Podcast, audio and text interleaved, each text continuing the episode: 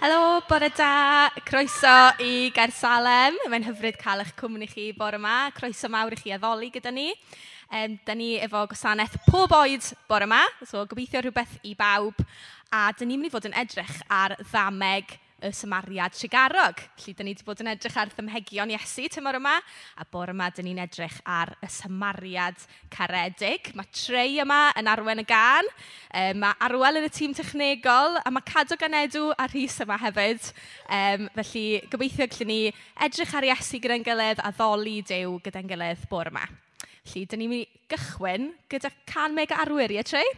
Ie. Yeah pan dwi'n meddwl am y can yma am mega arwyr y Beibl, dwi'n meddwl am Moses, er enghraifft, oedd yn grando ar ddiw ac oedd yn neud be oedd diw eisiau iddo wneud. Hyd yn oed pan oedd o'n ofni, hyd yn oed pan doedd o ddim yn meddwl fod o'n ddigon, oedd diw yn ffyddlon i roi iddo fo be oedd angen de. Ar eich traed i ganu.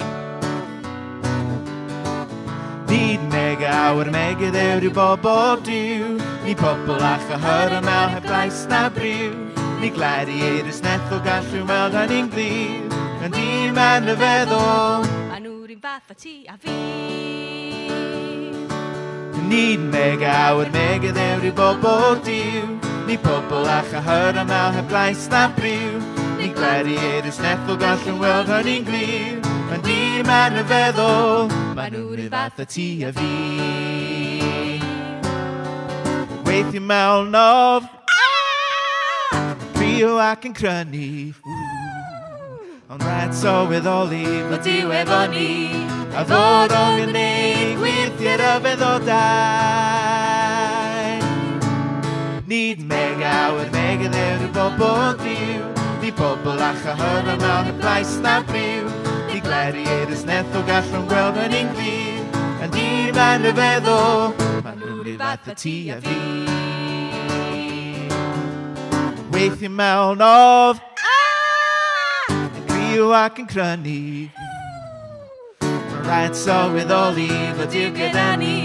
A fod o'n gynnig weithio'r yfeddodau niet mega. We denken dat die bobbel drieuw. Die poppela gaan harder, maar een pijn snap je. Die gladiators net zo gas nu wel gaan in clear. En die man de bedo, maar nu we wat het zie je wie. Maar nu we wat het zie je wie. Maar nu we fath het ti a fi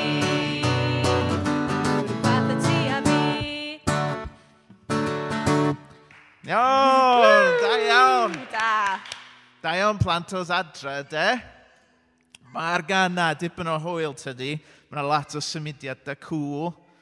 Ond yn y can yma, mae yna llai o symudiadau. A mae yna lot o wirionedd ynddo fo hefyd. A mae'n gan reid fywiog. So fedrwch chi aros ar eich traed chi i canu am deyrnas diw. Mae lot sy'n yn y can yma yn dod o'r damhegion, da ni wedi bod yn dysgu amdanyn nhw felly gad, gadael i'r lluniau sy'n dod i'ch meddwl a goffa chi o ba mor dda ydi Dyw a'i dernas de.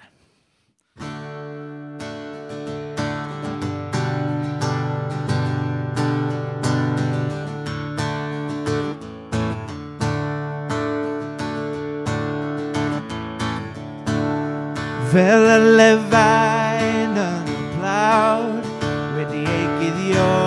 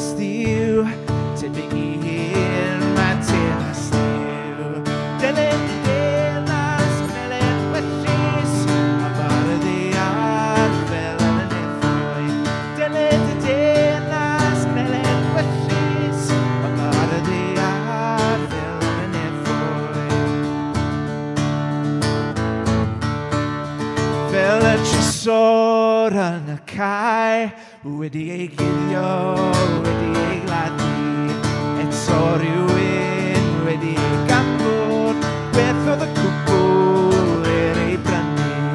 Tebyg un, mae tyn a stiw,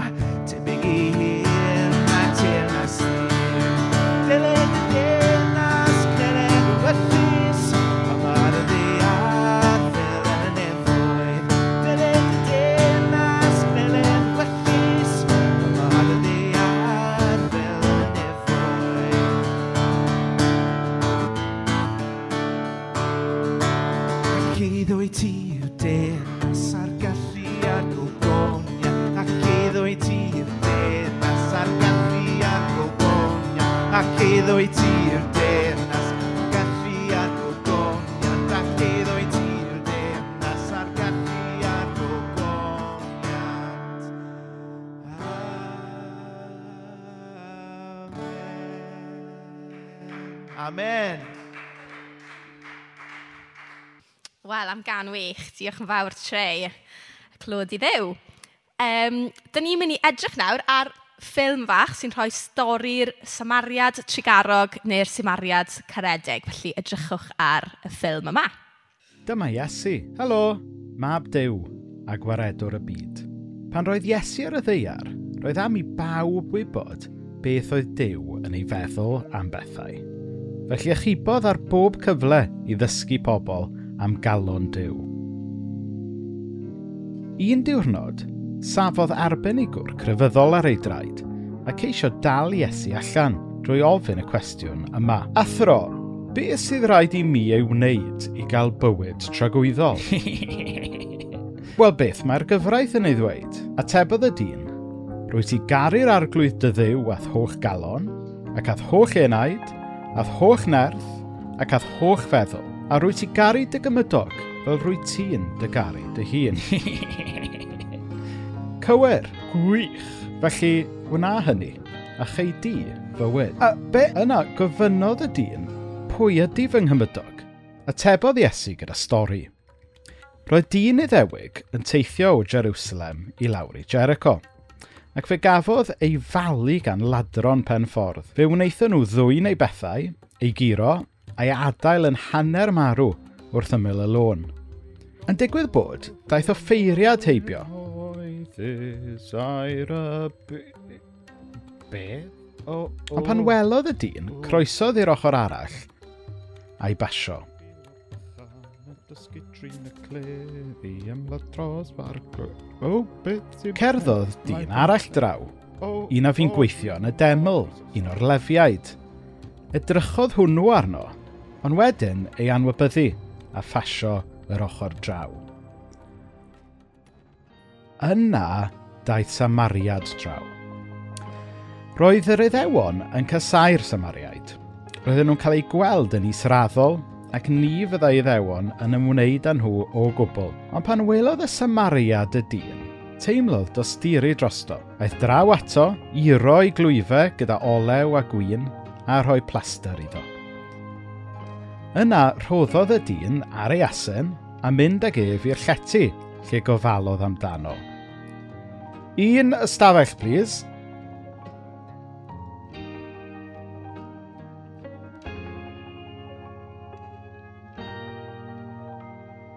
Y diwrnod wedyn, rhoddodd ddau ddarn arian i geidwad y llety a dweud wrtho, gofala am y dyn hwn. Os yw ei filen rhedeg yn uwch na hyn, mi dala i y tro nesaf y byddai'n pasio heibio. Nawr, pa un o'r tri hyn fyddech chi'n dweud oedd yn gymydog da i'r dyn gafodd ei falu gan y lladron pen ffordd? Atebodd y dyn, yr un a ddangosodd drigaredd iddo, yna dywedodd Iesu, ie, yeah, Nawr ewch chi i wneud yr un peth. Waw, wel mae hwnna'n stori rhyfeddol yn dywi am ddyn sy'n helpu rhywun pan mae angen arno fe. Nid sy'n sy'n jyst yn gweud bod yn caru pobl, ond mae'n gwneud hefyd. Um, mae'n stori bwerus iawn gan Iesu. A mae'r cwestiwn sy'n cael ei ofyn yn y stori yw, pwy yw ein cymydog ni? Felly mae hwnna'n rhywbeth gallwn ni feddwl amdano bore yma. Pwy yw ein cymydog ni? Um, a nesaf dyn ni'n mynd i glywed bach mwy gan Rhys. Um, a os da chi eisiau rhoi yn y chat falle diolch i rywun sydd wedi bod yn gymydog da, fod yn garedig i chi wythnos yma Um, croeso chi roi hwnna yn y chat, byddai'n rili really hyfryd. Um, diolch am y bobl sy'n garedig ac yn ein helpu ni o ddydd i ddydd. Um, ond dan ni'n mynd i glywed wrth Rhys nawr sy'n mynd i rhoi tyma bach o gefnder a ystyr y stori ni. Rai wythnosau yn ôl, teitl colofn yn y Guardian oedd These lockdowns reveal the UK's true character. We are a nation of snitches.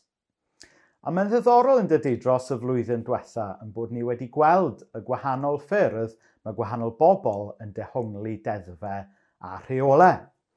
Rhai pobl yn cadw rheolau yn hollol llym, pobl eraill yn anwybyddu nhw yn llwyr – a ni hyd yn oed wedi gweld rhai pobl yn snitio mewn i cymdogion i'r heddlu am dorri rheolau. Nawr, nôl y mis Mai, mi oedd yna sgandal wleidyddol mawr pan nath ymgynghorydd, prif ymgynghorydd, y Llywodraeth, y Prif Weinidog, dorri i reolau i hun a teithio cannoedd o filltiroedd pan oedd e wedi profi yn bositif am y feirws. Yn nes at adre wedyn, falle bod chi'n cofio y gweinidog iechyd a, yn cael ei ddal yn bita pysgod ysglodion gyda'i deulu ar ddiwrnod braf tu allan um, a hynna nghanol y cyfnod clo cyntaf. Yn dechnegol a bod yn deg gyda fe, doedd e ddim wedi torri y rheolau achos oedd e'n byw o fewn tafliad carreg i le oedd e yn bita i bicnic. Ond eto oedd llawer yn gofyn a oedd e yn cadw at ysbryd y ddeddf. A mae'n ddiddorol yn dydy bod pobl yn gweld gwahaniaeth rhwng uh, llythyren y ddeddf ac hefyd ysbryd y ddeddf. A dyna mae dameg y Samaria Trigarog yn cychwyn gyda. Mae gyda ni arbenigwyr yn y gyfraith sydd yn trio dal Iesu allan, yn trio snitio ar Iesu os hoffech chi, achos bod e ddim yn cadw at y deddfe a rheolau yn yr union ffordd oedd oedden nhw yn ei deall nhw. Maen nhw'n trio dal Iesu allan drwy ofyn cwestiwn iddo fe. Maen nhw'n gofyn iddo fe beth sydd rhaid i ni wneud i gael bywyd tragwyddol. Ond mae Iesu yn taflu y cwestiwn nôl at, at nhw. Mae, mae e'n gofyn iddyn nhw, wel, be mae deddfe a rheolau Moses yn dweud? A wedyn maen nhw'n ateb, achos fel arbenigwyr, maen nhw'n gwybod beth ydy llythyrau yn y ddeddf. A maen nhw'n dweud, wel, mae rhaid i chi garu dew a hefyd caru eich gelynion yn yr un ffordd y byddech chi yn caru eich hunan. A maen nhw'n meddwl, maen nhw wedi cael yr ateb yn iawn. Maen nhw wedi cael llythyrau yn y ddeddf yn iawn. Ac felly, mae Iesu'n gosod her iddyn nhw, a mae'n dweud, felly, gwnewch chi yr un fath ac yn sydyn reit mae'r gad yn syrthio. Er bod nhw'n bobl oedd yn gwybod llythyrau yn y ddeddf, dydyn nhw falle ddim wedi dal ysbryd y ddeddf. Ac yn amser Iesu mi, oedd ganddo chi y snitchers yma, yr arbenigwyr yn y gyfraith, pobl oedd yn gwybod llythyrau yn y ddeddf, ond oedd falle ddim wedi deall ysbryd y ddeddf. A wedyn mae Iesu mynd mlaen wedyn i adrodd dameg y Samaria Trigarog, lle mae e'n dangos y ddeddf, deddf cariad mewn gweithrediad, mewn sefyllfa go iawn. Ac felly, mae yna wahoddiad i ni hefyd ar ddiwedd blwyddyn le mae rheolau a deddfe a sgwrs ynglyn â llythyren y ddeddf ac ysbryd y ddeddf wedi bod yn fyw iawn. Mae'n bwysig bod ni hefyd yn gofyn, pan mae'n dod i bethau dew, ydyn ni'n bobl sydd jyst yn gwybod y gair, neu ydyn ni yn adnabod y gair sef Iesu. Ydy ni'n bobl sy'n just a diddordeb mewn llythyren deddfa, neu ydy ni'n bobl sy'n eisiau dal ysbryd deddf cariad, sef Iesu i hun.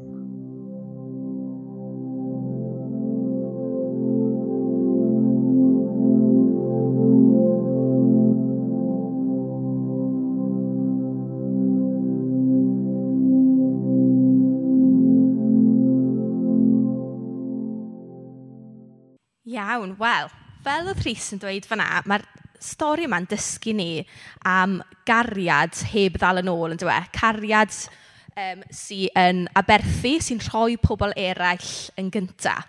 Felly dwi eisiau ni feddwl bore yma um, sut ydyn ni'n gallu byw allan y cariad yma um, yn hunan yn yn bywyd ni, A mae'r cariad yma, wrth gwrs, yn dod gan ddew. A mae Duw wedi caru ni, a dyn ni i garu pobl eraill um, fel mae dew wedi'n caru ni. Felly, dwi eisiau chi estyn, dim yn syth nawr, ond eisiau estyn, uh, i chi estyn dros um, gweddill y gwasanaeth, um, darn bach o bapur a uh, pensiliau lliw fel tips neu rhywbeth, a wedyn newch lun o'ch llaw, um, fel hyn. A wedyn help falle gan rhywun i dorri fe allan a bydd ganddo chi rhywbeth fel mae cadog a fi wedi wneud fan hyn. Dwylo bach. um, dwylo bach. A dyn ni wedi sgwennu yn y canol car dy gymydog fel ti dy hun. Cadog, ti eisiau dod i ddangos ti'n di? Na, mae'n mynd i wneud un arall. Um, felly, car dy gymydog fel ti dy hun. A gobeithio, gallwn ni ddefnyddio hwn i weddio a i atgoffa ni yn ystod yr wythnos hefyd um, be dyn ni um, isio wneud a sut dyn ni am fyw allan y cariad y diw. Um, felly, be dwi wedi wneud fan hyn, um, dwi wedi defnyddio bob bus i um, weddio dros gwahanol uh, bobl a gwahanol bethau. So, gynta, ar y bawd, Gallwch chi feddwl beth ydych chi eisiau sgwennu lawr ar eich bysedd chi, beth ydych chi eisiau gweddïo amdano. Ond gynta, um, dwi wedi, uh, diolch Cedag, dwi wedi sgwennu lawr bod fi eisiau caru fy nheulu, rhys cadog yn edw fel i fi'n caru fy hun. Ach, diolch Nedw. A mae, chymod, gartre, dyn ni'n gorfod trwy'r amser dydyn rhoi fewn i'n gilydd a helpu'n gilydd a rhoi'n lleill yn gyntaf. Mae'n gallu bod yn anodd weithiau, yn dydy, enwedig yn ganol y lockdown. So fi'n gweddio am help gan ddew i allu wneud hynna. Beth yw'r adnod ti wedi dysgu cadog am ddew? Ti eisiau dweud hynna? Dyw cariad ew. Dyw cariad ew, da iawn. Cariad ew. Cariad yw, da iawn, Edw. Oce, okay, a bach o ww ww hefyd. Iawn, oce, okay. bach o, w, w, w, eto. Reit, mlaen yn ni. So mae hwnna ar y bawd, felly gallwch chi weddio dros felly eich teulu, um, uh, yeah, rhywun yn eich teulu.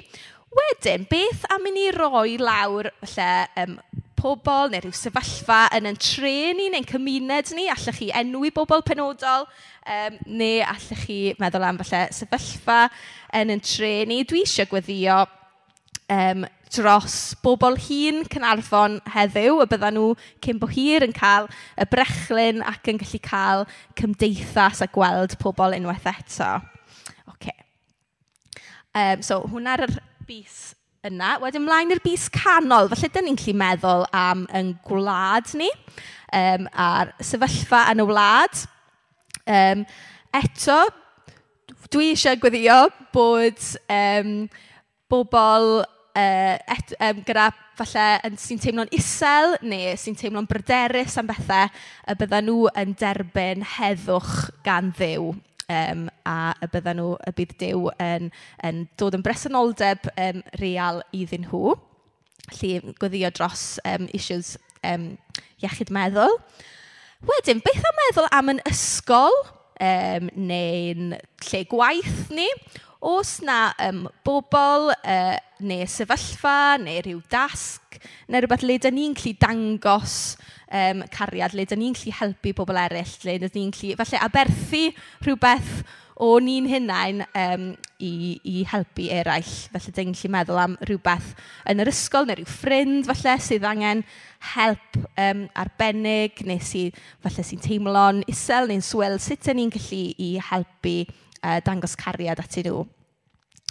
Ac yn ola, um, ond yn bwysig eithriadol, dyn fi eisiau ni feddwl am y byd yn gyfan, a weithiau mae'n anodd meddwl am y byd mawr, achos mae'r byd yma yn fawr a mae yna lot o bethau mewn mlaen, ond mae'n holl bwysig bod ni fel um, Cresnogion yn meddwl am yr um, sefyllfaoedd, yr anghyfiawnder, um, mae pobl yn y byd yma mewn cymaint o um, sefyllfaoedd le dyn nhw ddim wedi cael eu trin yn, yn gyfartal neu'n deg.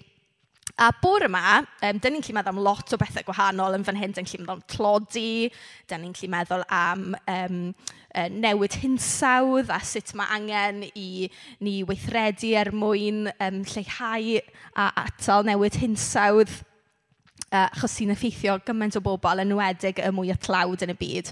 Um, ond bore yma, dwi eisiau gweddio dros um, bod y brechlyn, uh, yn brechlyn Covid yn cyrraedd pawb yn ddiwahân.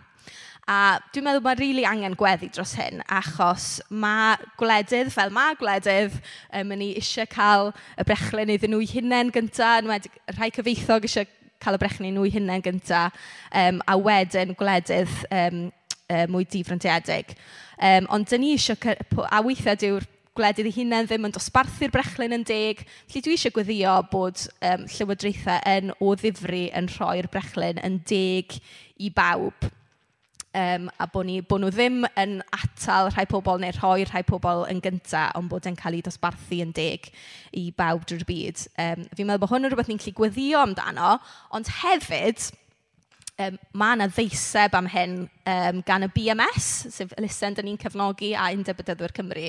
Um, felly, newn ni roi link lan ar Facebook ar Salem, um, achos mae'n greit bod ni'n gweddio, mae'n mor bwysig bod ni'n gweddio, mae'n hefyd yn bwysig bod ni'n gwneud rhywbeth hefyd i godi llais yn enwedig dros y bobl sydd ddim gyda llais yn aml iawn, a mae ganddo ni lais gallwn ni godi dros uh, y bobl mwyaf gwan, y bobl um, sydd ddim mewn sefyllfa mor gryf a ni.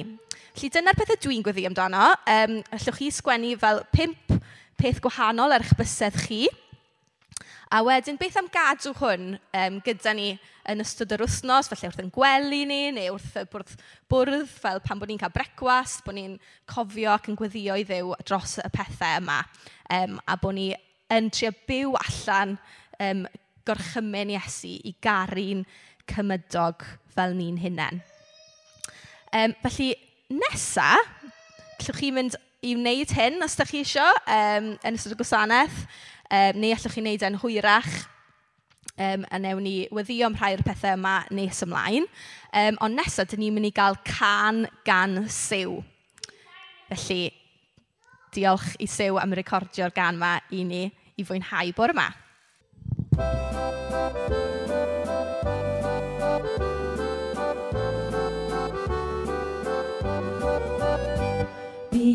gwersi yn dysgu y bobl, rhoi gwersi i'r call ac i'r ffôl.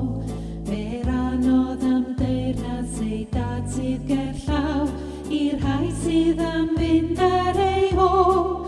Mae damhegion yr Iesu yn wir,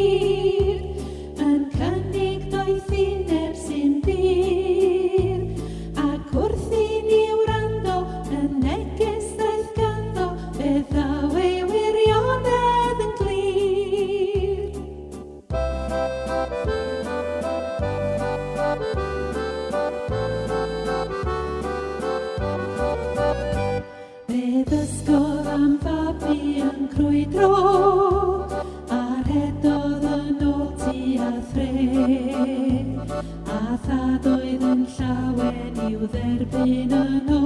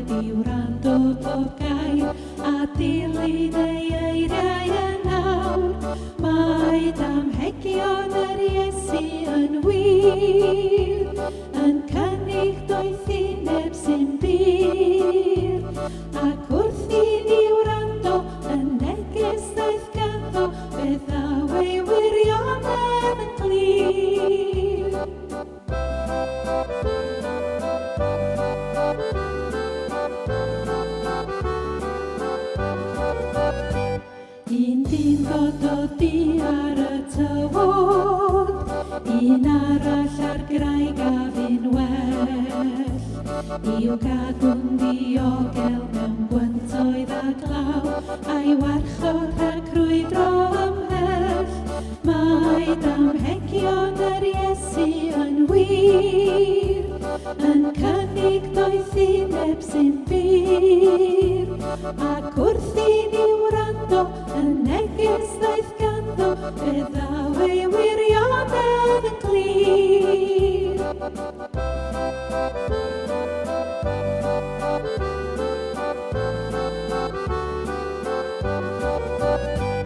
Am ddafod Cymraeg yn crwydro, a bugael ei ofal yn fawr. Fe glywsom am gariad a gofal y tân, a'i gynnig i holl bant y llawr. Mae damhegion yr Iesu yn wir, yn cynnig doedd uneb sy'n byr, ac wrth i ni wrando fe ddawe wirionan yn glir.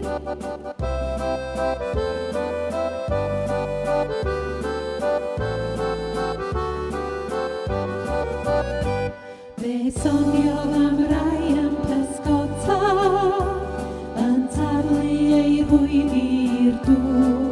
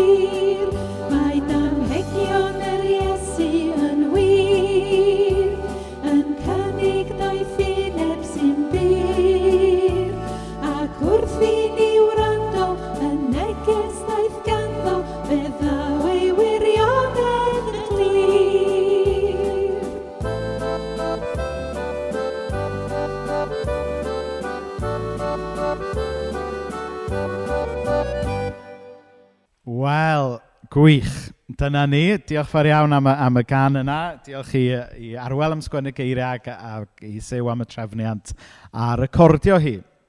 So, um, diolch fawr iawn i bawb sydd wedi danfon negeseuon mewn yn deud be maen nhw'n ddiolchgar amdano fe. Dwi'n gweld fod Nora'n ddiolchgar am ei cymydog. Um, mae Mari a'r teulu'n yn ddiolchgar um, i Sian. Um, ni'n gweld um, Sew hefyd yn ddiolchgar iawn am, am ffrindiau a'r gwasanaeth iechyd sydd wedi bod yn bwysig iawn iddyn nhw fel teulu wythnos yma. Uh, Menna'n ddiolchgar iawn am yr holl anrhegion pen blwydd mae wedi cael. Um, Ie, yeah, so um, amen i'r holl bethau yna. Cofiwch gario ymlaen i ddamfon negeseuon a, a roed yn y chat beth ydych chi yn ddiolchgar amdano. Yn benodol, uh, y ffordd ydych chi wedi profi cymdogion yn, um, yn eich bendithio chi'n ddiweddar. So, um, be sydd gyda ni nesaf ydy, um, mae Iwan uh, Roberts mynd i rannu gyda ni Um, syniad um, mae Iwan wedi cael a gobeithio bydd uh, lot o bobl a teuluoedd yr ardal yn ymuno mewn yn y syniad dros yr wythnosau nesaf yn arwain at y Pasg. Dan ni ddim yn gallu wneud lot o weithgareddau mawr gyda'n gilydd ar hyn o bryd yn arbennig dan do, ond mae hwn yn un syniad ffantastig sydd gan Iwan ynglyn â rhywbeth gallwn ni wneud yn yr awyr agored er mwyn mwynhau gyda'n gilydd a hefyd pwyntio at neges y pasg. Felly draw at Iwan. Rwy'n jyst isio rhannu syniad o gynna fi. A mae gynna fi helpas bach sy'n mynd i helpu efo'r syniad yma. Um, Rwy wedi bod yn gwachad rhaglen o'r enw Craftivism, lle oedden nhw'n defnyddio crefft i rhoi negas neu um, rhoi pwynt o draws. Dwi'n jyst mynd i bwydo'r eir yma. Um, so'r syniad oedd gen i fi oedd i wneud efo wyau. So, dyn ni'n mynd i gasglu'r wyau, wan gobeithio. Dwi'n just mynd i sbio yn y cwt ma. Ie. So'r syniad efo fi ydi wneud efo wya ac efo'r gwyl sy'n dod i fyny. Diolch yn fawr. Ieir. So'r syniad ydy cymryd wy A mae hein ar gael yn llefydd fatha Morrisons a Tesco, ond ydych chi'n ffodus iawn y cael ieir, maen nhw'r gael fan hyn. So'r syniad ydy i addurno, well, chwythu rwyau i ddechrau fi addurno nhw, a wedi wneud y biggest egg hunt erioed yn Gynarfon. A dwi angen help chi gyd. So, o'n i'n jyst yn dychmygu wan, os pob un yn wneud hanner dwsin o wya os ni'n gallu um, gwasgaru nhw ar draws Gynarfon ath egg hunt ac ar, ar yr wyau misio rhoi fatha negas um, negas am yr, yr gobaith ar ysbryd sy'n yna wrth coelio nes i grist a bod ni'n rhoi negas adnod neu rhywbeth sydd yn twtiad chi yn yr adeg yma ar yr wy. A wedyn, fydd yna lleoliadau o gwmpas Gynarfon. Dwi'n meddwl mae rhyw 3 neu 500 o wyau o gwmpas Gynarfon sy'n am. Cool. Iawn, hwnna di'r syniad sgynna fi. Hwyl fawr. Gret, wel diolch i Iwan am y syniad yna. Da ni'n disgwyl mlaen uh, i gymryd rhan yn hyn a gweld sy'n mae'r y syniad yna'n datblygu dros yr wythnosau nesaf at y Pasg. Nawr, da ni'n mynd i gael gair o weddi nawr, felly os ydych chi adre wedi cael cyfle i wneud y, y bysedd gweddi yma, falle allwch chi ystyn um, eich llaw eich bysedd gweddi wrth yn bod ni'n gweddio afo'n gilydd. Felly, gadewch i ni weddio. O ddiw dad, i ni yn diolch mai Dyw cariad wyt ti. Dyw cariad yw. A da ni'n diolch bod ti ddim yn y busnes o wneud yn siŵr bod ni'n cadw llythyrau yn y ddeddf, ond i ti'n gwahodd ni i brofi dy ysbryd di, achos mae Duw cariad wyt ti. O ddiw dad, gad i ni gredu hynny, ond hefyd gad iddo fe newid ni. Gad iddo fe effeithio'r ffordd da ni yn byw yn bywyd a derbyn her Iesu o'r ddameg yma i ni garu cymydog fel ni yn hunain. O ddiw dad yn arbennig yn yr amser yma da ni'n byw ynddo fe.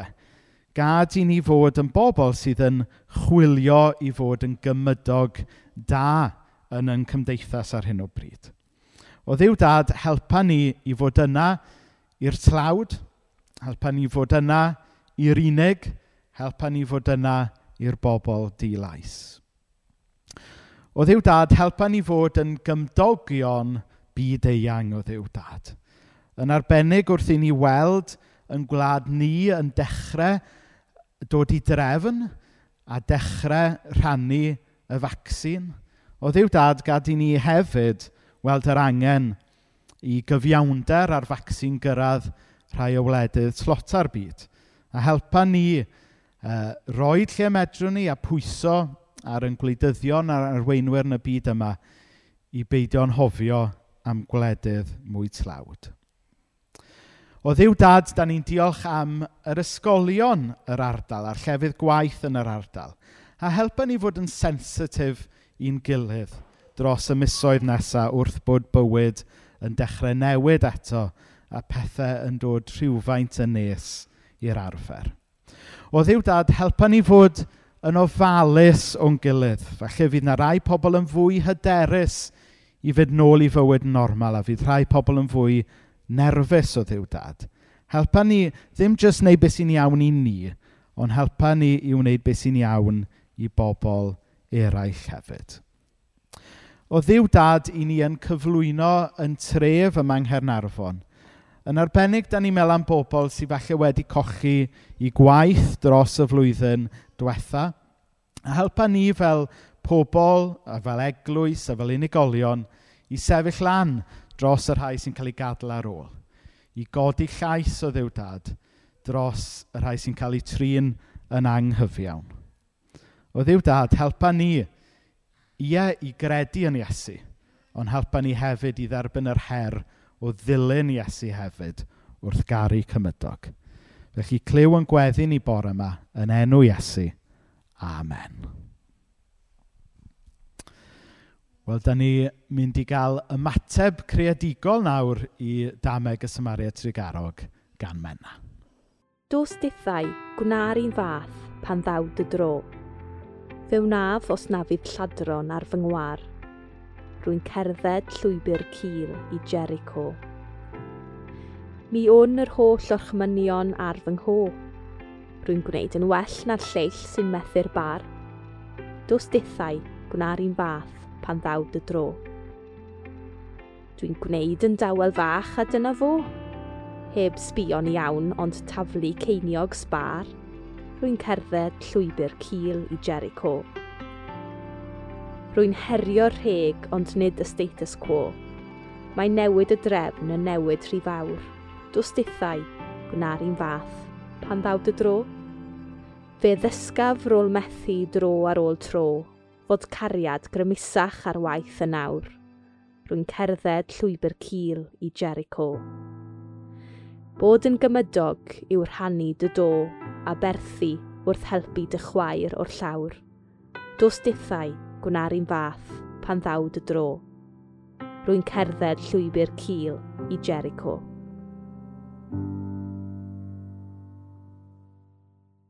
Wel, diolch am ymuno gyda ni bore yma a wrth bod ni'n edrych ar uh, stori'r Samariad caredig, um, chydig o bethau wahanol wythnos yma yn gyffroes iawn.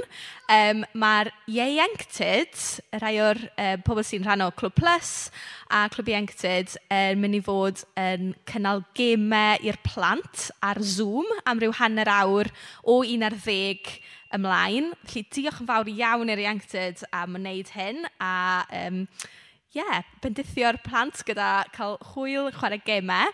Um, ond os ydych chi eisiau ymuno, y plant, os ydych chi eisiau ymuno gyda hynna, um, mae rhaid i chi fynd ar Zoom a allwch chi gael y link a'r password wrtha i. Mae'n rhy ffôn i ar y sgrin nawr. So mae'n croeso chi gysylltu dy fi ar y ffôn, neu allwch chi just anfon neges um, ar Facebook i Carsalem neu i fi, um, a newn ni basio'r um, manylion mlaen atoch chi. Um, felly, ia, cofiwch wneud hynna um, os da chi eisiau ymuno gyda'r ieuenctid am un ar ddeg am rhai gemau. Um, does dim uh, Zoom coffi bore yma chwaith, um, felly ne byddwn ni'n edrych mlaen i gael hwnna eto wythnos nesaf. Felly, ie, yeah, diolch am ymuno gyda ni. Ydyn ni am orffen nawr uh, drwy gannu Welen Sefyll rhwng y myrtwydd.